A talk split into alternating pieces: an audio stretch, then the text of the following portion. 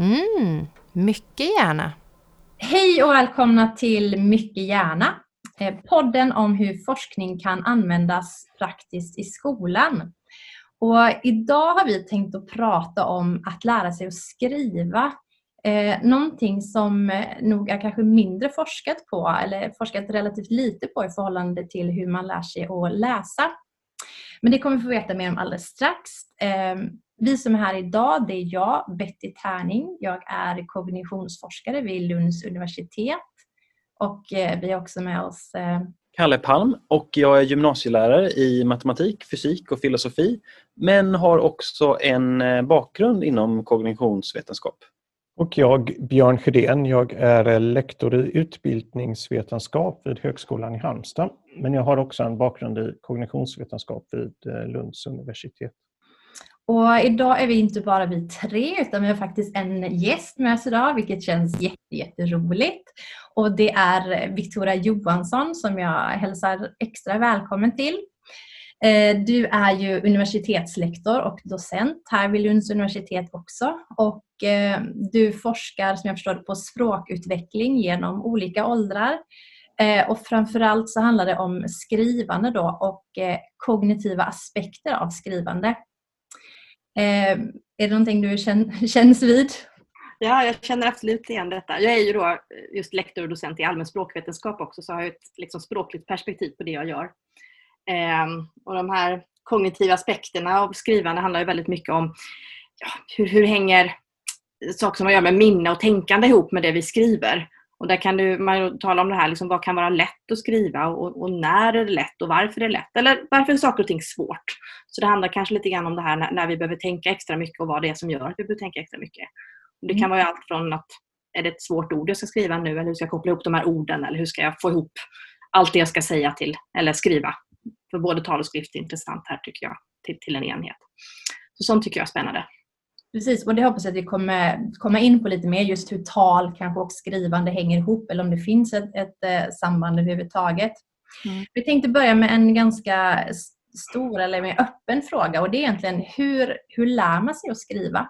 Finns det några särskilt betydelsefulla faktorer som behöver finnas på plats för att man ska kunna ens lära sig att skriva? Mm.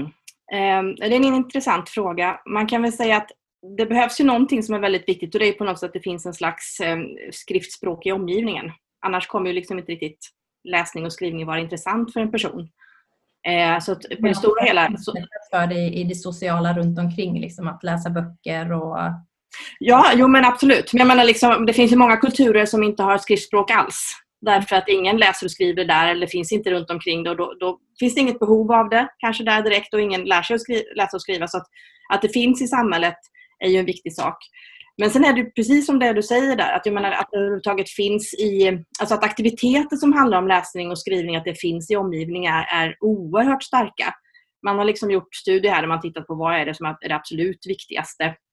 Och en jättestor sån här metastudie från, från USA som har gjort det, så säger man att den absolut enskilt viktigaste faktorn det är att det är en vuxen som läser tillsammans med barnen till exempel, för att läsning och skrivning ska utvecklas. Men Sen krävs det ju en hemsk massa andra saker också. Att barnet har hörsel och syn som fungerar. Om det nu är ett barn vi talar om, det kan ju vara vuxna för all del som lär sig att läsa och skriva också, om man inte lärt sig det tidigare. Eh, det, det, krävs ju liksom sån här stark motivation, alltså varför ska jag göra det här? Om jag klarar mig lika bra utan så, så funkar det ju. Så då kan det vara jättebra med äldre syskon eller kompisar i skolan eller sådär som man känner att jag vill göra som dem. Men sen också just att man sett det här behovet av det. Alltså skriver folk i omgivningen listor och läser de böcker och, och, vill man liksom komma in i den här världen och inse att där finns någonting som också kan komma åt så är det väldigt, väldigt starka faktorer som, som leder in till det här. Så att, eh, ja, alltså det är liksom en stor knippa av faktorer som är väldigt viktiga tillsammans för att det ska liksom bli lyckat. Och det är nog svårt att kanske då säga en enskild faktor, även om man nog sett att det här att läsa tillsammans, att vara del av någon som liksom leder en in i själva läs och skrivgemenskapen är, är viktigt så är det många saker som samspelar. Skulle du, just det här med att man, man pratar väldigt mycket om i skolan hur viktigt det är just att läsa tillsammans, att man ska läsa en kvart varje dag och sånt. Men vad, vad, kan man säga någonting vad det är särskilt som utvecklas? Är det liksom så att ordförrådet blir bättre? Och, och, eller vad, vad bidrar det till liksom för, att, för skrivandet sen?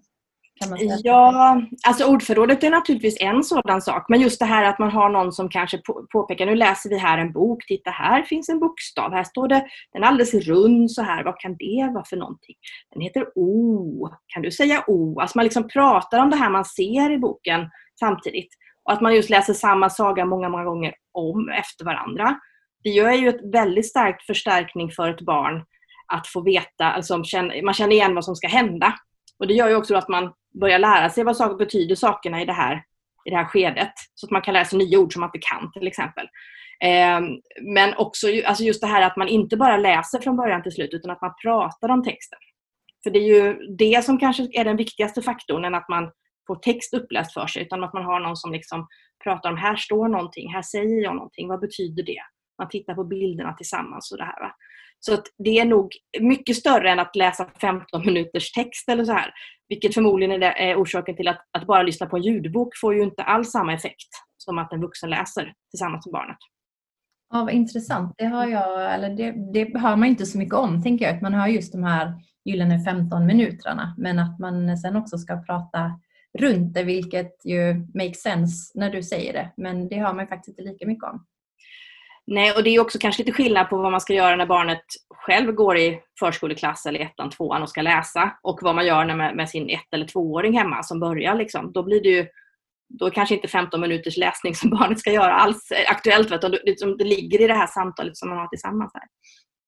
Men jag undrar om det finns liksom i stora skillnader eh, längs vägen i den processen. För jag som är gymnasielärare, där, där mina elever kan ju eh, skriva men eh, de är ju på inga vis fullärda liksom, utan eh, de har ju fortfarande ganska långt kvar. Och är det som en linjär process att det händer samma sak hela tiden eller är det väldigt olika vad man behöver göra? Eh, för, ja, alltså jag tänker så att e, ett sätt handlar om att man ska komma igång och förstå vad skriftspråk är och hur man behöver det. Nu talar jag lite grann om skriftspråk generellt utan kanske egentligen ta läsning och skrivning eh, alltså som olika processer, för det är de ju delvis. Eh, men sen händer ju många saker längs vägen och om man ska tala lite mer generellt om, om kanske språkutveckling och sånt här så tycker jag om att tala om teori som handlar om input. Alltså hur mycket får man, får man in i systemet? Vilka ord hör man? Hur mycket får man öva sig på att läsa och skriva och sådana saker? För du sa någonting om, du eh, kallade det, du pratade om eh, linjär process liksom. Ja, precis. Ja. När, när jag säger linjär process så menar jag liksom just att, att det är samma typ av saker som händer bara mer och mer eller är det någon sorts mer kvalitativ skillnad på liksom, eh, läs och skriv eh, eh, förståelsen senare jämfört med tidigare? Ja men alltså det, det måste man nog säga att det är. Jag menar i den tidiga aspekten, och det, det är ju det här, det kanske är svårt att säga, det, det vet vi egentligen inte forskningen vad som hänger ihop här. För att dels har vi ju en språkutveckling som pågår under hela, om vi håller oss till skoltiden här så pågår den under hela skoltiden och den är ju en process som ju förstås påverkar både vad man kan läsa och vad man kan skriva, vad man kan tala och vad man teckna, teckenspråkar, vad man, vad man tecknar och sådär. Va? Eh, sen har vi ju en kognitiv mognad som har att göra med att hjärnan utvecklas och ger möjligheter att nu kan jag uppfatta de här abstrakta och, och exakt hur det inverkar på hur man då kan läsa och skriva det vet vi inte heller riktigt för alla går ju i skolan och får massa input också. Mm. Sen har vi det här då med att man då just går i skolan under en stor del av det här och får reda på en undervisning i läsning och skrivning som ju också påverkar. Det är därför förstås så hemskt mycket kraft läggs i massa länder på vilken undervisning ska vi ha? Hur ska vi undervisa om läsning och skrivningsprocesser och sådär. Men att det inte är en helt linjär utveckling, det blir den ju inte riktigt för att i början handlar det väldigt mycket om att man ska kunna lära sig det här med bokstäver och hur funkar de och vad är skiljetecken och hur ska man skriva meningar och, och stycken och så här. Och det är någonting som sker parallellt med att språkutveckling egentligen i tal går ganska mycket snabbare där. Och sen någon gång kanske, jag skulle säga runt slutet av mellanstadiet så liksom börjar de här processerna bli kanske lite tydligare och gå hand i hand för då är skrivutvecklingen så duktig, så att den är så bra etablerad så att liksom man kan använda den mycket mer för att få input mot talet och så vidare. Så då, då, då är det lite mer tydligare parallella processer tal och skrift tror jag. Eh, just det, vi, vi pratat en del, eller du Victoria, om alltså just det här med förståelse för liksom är ord och man ska få ordförståelse och få förståelse för en text till exempel, att man ska läsa tillsammans. Men eh, skulle du säga då att, att förståelse är en förutsättning för produktion? Eh, Ja, det är ju egentligen en lite komplicerad fråga också. Man brukar ju ofta säga så att förståelse kommer före produktion, brukar man säga. Det vill säga att man, vi förstår väldigt många fler saker än vad vi kan säga eller, eller skriva själva. Eh, och ibland brukar jag dra det här exemplet med att hur många har läst en Nobelpristagare, en bok skriven av Nobelpristagare. Och det brukar bli ganska många ifall man frågar i akademiska sammanhang. Och så frågar man hur många har skrivit en bok som fått Nobelpriset. Och det brukar inte vara någon ens i akademiska sammanhang. Som ett lite grann bara, att spetsa till exemplet lite grann här på så att vi kan ju förstås läsa väldigt, väldigt god litteratur men vi kanske inte kan skriva lika god litteratur. Och det är ju välkänt om man tittar på tidig språkinlärning till exempel att barn förstår väldigt många fler ord innan de kan säga dem själva. Eller, eller på något sätt, alltså inte ens bara uttala dem dåligt utan ens alls, alls kunna säga dem. Så det finns ju en ganska tydlig eh, koppling här med så att det finns förståelse eh, innan man kan producera det själv. Men därmed är det ju inte sagt att man måste ha förståelse bara för att kunna producera saker. Vi kan ju imitera saker vi inte förstår till exempel. Eh, och vi kan ju Eh, ja, vi kan ju kunna säga saker på andra språk som vi inte förstår själva och sådana saker. Så det är inte en nödvändig koppling att man nödvändigtvis måste ha förståelse för allt man gör själv. Eh, och det finns ju gott om egentligen inlärningsmetoder som kan gå ut på att man ska lära sig saker utan till innan man förstår vad det är till exempel. Och så så att, eh, det, är ju, det, det, det, går ju liksom inte riktigt att säga att det ena är det andra utan beroende på vad man menar lite grann eller beroende på hur man tänker kring förståelse och produktion. Det finns ju en metod som är eh, ganska omtalad och det är ASL eller att skriva sig till läsning och sånt. Betyder det att, man, att den här metoden fungerar skulle du säga eller kanske vilka för och nackdelar finns det med det? Kanske är det bättre att säga så? Ja, den här metoden att skriva sig till läsning är ju, hur ska man säga, ja, det beror lite grann på hur man, vad man lägger in i den. Alltså, det är en metod som från början föreslogs av Arne Trageton en, eh, i Norge runt år 2000 ungefär, för ungefär 20 år sedan lite drygt. Och då är ju tanken då att barnen ska lära sig skriva innan de får lära sig läsa. Och dessutom, eller innan man i alla fall satsar på att lära sig läsa. Och dessutom har metoden sen varit väldigt, väldigt knuten till att man ska skriva på dator. Och i många eh, fall kring den här metoden, så, om man ska vara ortodox eller sådär, och så liksom man ska följa ett väldigt tydligt mönster vad man ska skriva. Man kanske ska öva bara vissa bokstäver eller bokstavskombinationer eller skriva vissa meningar och så här. Eh, och den här har ju börjat användas i svenska skolor i säkert ett decennium ganska mycket och före det kanske lite sporadiskt och det har även gjorts en del utvärderingar av den. Problemet är kanske lite grann att när man har utvärderat den här så har man ju sällan då utvärderat, i den mån det har gjorts, vilket är väldigt lite, så har man ju sällan utvärderat barn som lär sig skriva helt vanligt för hand då, som man ofta gör, och så barn som lär sig skriva på samma sätt fast på dator för hand. Utan ofta har ju det här att skriva sig till läsning då kopplats ihop med ett mycket större system där barnen har fått läsa och skriva sina texter, skrivit på dator, skrivit i par, kamratgranskat och sådana här saker. Vilket gör att det kan vara lite svårt kanske att, hur ska vi säga, reda ut vad som är orsak och verkan. Dessutom har ju de som lärare som ofta används att skriva sig till läsning varit väldigt entusiastiska och väldigt glada att få en metod för det här. Så om man ska liksom bena ut, ut för, först själva problemet ifall det finns en metod som är bättre eller inte och om att skriva sig till läsning med hjälp av dator skulle vara bättre eller inte så kan vi väl säga att det finns liksom egentligen inga tydliga forskningsansatser som riktigt har benat upp det. Men man kan ju säga så här, det funkar ju absolut att skriva sig till läsning och det finns jättemånga fördelar med det. Eh, och, och om ifall vi nu inte ska säga om det är bättre eller inte. Eh, för jag tror också att den här frågan om, om huruvida det är bättre lite grann har spelat ut sin roll. För 20 år sedan så var det förstås en fråga, borde alla barn börja skriva på dator i skolan? Mm. Idag är det lite grann bara, ja, men alla barn skriver på dator eller padda eller eh, på, på telefoner mer eller mindre under både innan de kommer lågstadiet och under hela lågstadietiden. Så det är liksom lite grann en icke-fråga ifall man ska ta in digitala hjälpmedel. Däremot kanske det inte är en icke-fråga ifall man bara ska skriva på dator. För, eh, det vill säga att jag tror att det här att man, datorn finns, man skriver med penna och så vidare. Det handlar liksom mer om att man får en större verktygslåda att jobba med i ett klassrum. Det kan vara väldigt motiverande, som vi pratade lite grann om innan, att man tycker det är roligare att kanske skriva på dator, roligare att skriva ihop med en kompis. Det blir finare. Det har väldigt många plus vad gäller motoriska aspekter. Det är lättare att liksom trycka ner en tangent. Det är lika lätt att trycka ner vilken tangent som helst. Men det är svårare att skriva ett S än att skriva ett I och sådana här saker. Och det finns ju stora fördelar med det. Ehm, så att jag tänker att att använda sig av metoder som stimulerar barn, motiverar dem, som finns i deras vardag och som gör att de kan uttrycka sig är ju bra. Eh, därmed är det inte sagt att det inte finns jättemånga plus med att man får skriva för hand också. Det, man kommer liksom närmare, man har övat sig att rita med kritor jättemycket. Eh, väldigt många inlärningsteoretiker skulle säga att ju fler eh, sinnen som är involverade, desto lättare blir det att lära sig. Och sinnen blir mycket mer involverade för att du ska liksom ha, skriva ett S motoriskt med hela handen. Liksom så här, va? Samtidigt som det då motoriskt kan vara svårt för en sexåring att skriva ett S. Så att det finns liksom, ja, de aspekterna.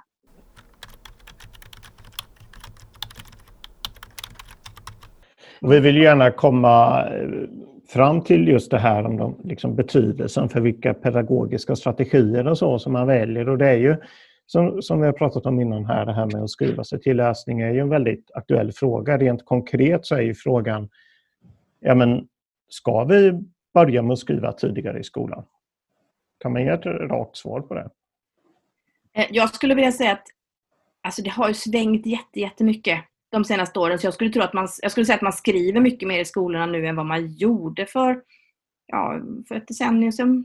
Decennium sedan absolut. Um, men jag tror absolut att man skulle behöva skriva mer. Däremot kan man då fundera på vilka ämnen ska man skriva mer? Är det något som ska ligga på språkämnena bara? För att om man, om man kommer till det här så har ju egentligen ganska många andra ämnen stora möjligheter att just öva skrivande till exempel.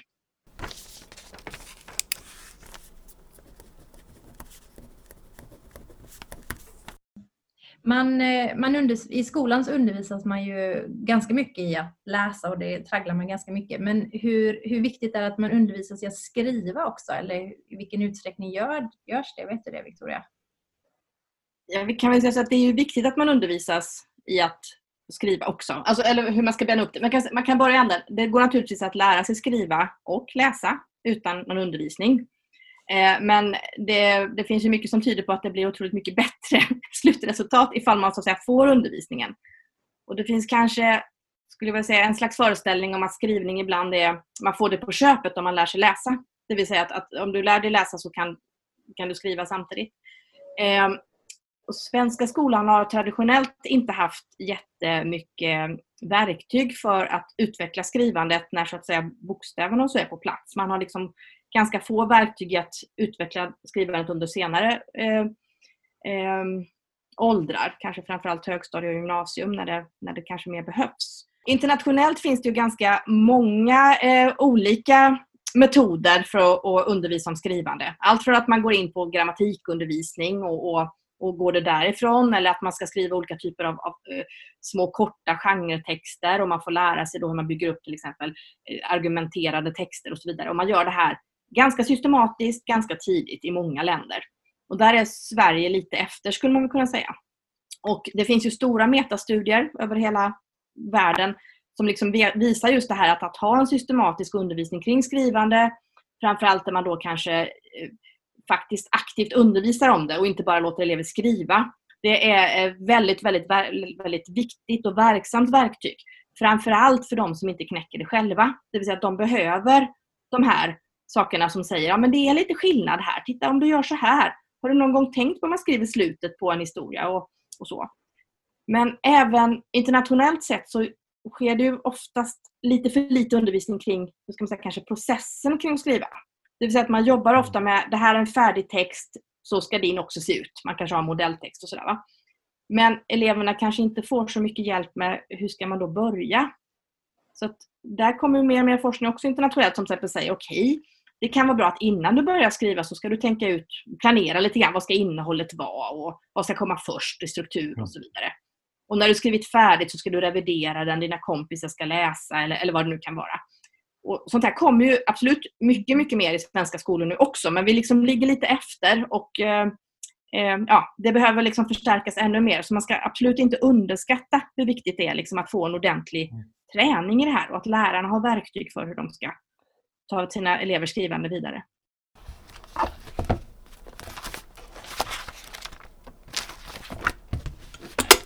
Nu är det dags att avrunda den här podden tror jag. Jag måste bara först tacka igen ett jättestort tack till dig Victoria. Det har varit superspännande och eh, inspirerande att lyssna på dig idag tycker jag. Och jag har verkligen lärt mig jättemycket. Och eh, jag ska försöka sammanfatta lite nu då vad vi har pratat om här idag så får väl du hojta till om det är någonting du inte tycker stämmer.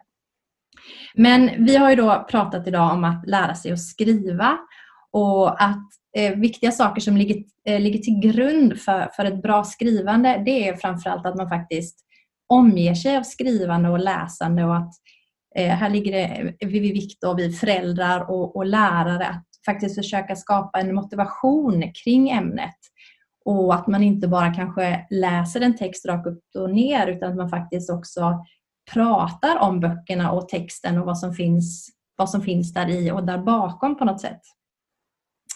Vi har också pratat lite om vad som händer när man skriver på dator eh, versus vad som händer när man skriver för hand och att de här metoderna kanske inte tar ut varandra på något sätt utan att de snarare kan vara bra vid olika tillfällen och för olika eh, typer av skrivande kanske.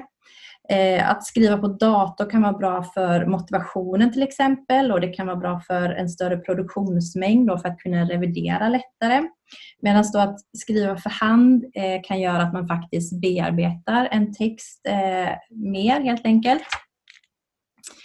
Eh, på slutet här så, så pratade vi också om att Eh, I skolan så ligger det ett väldigt stort fokus, eller kanske ett större fokus på läsning och ett mindre fokus på, på att skriva. Och att det faktiskt det går ju att lära sig att läsa utan att kunna skriva, men det går inte att lära sig att skriva bra utan att kunna läsa. Och att det kanske också då behövs ett större stöd till elever för att faktiskt lära sig att skriva eh, eller ja, lära sig skriva bra texter helt enkelt. Um, och med det sagt eh, undrar jag, Kalle, vi brukar fråga dig ibland, eh, vad tar du med dig från, från dagens samtal som du känner att du kan använda praktiskt i, i skolan? Ja, jag tar med mig det här med att, eh, att, att skriva för hand och att skriva på dator kan ha fördelar just om man har ett kommunikativt eller om man har ett kognitivt syfte. Alltså när man Eh, antecknar och ska på något sätt förstå någonting mer, då kan det vara bättre att skriva för hand. Men när man ska kommunicera och få ut sin text och behöver justera runt stycken och så vidare, då är det bättre med att, eh, eller kan det vara bättre att göra det med dator. Och jag som är lite handskriftsdogmatiker ska ta med mig det här till min undervisning. Superbra, jättekul. Ehm, slutligen vill vi också tacka Lunds universitets samverkansinitiativ Tillsammans över tröskeln till framtidens klassrum. Och vi vill också rikta ett särskilt tack till vår producent Trond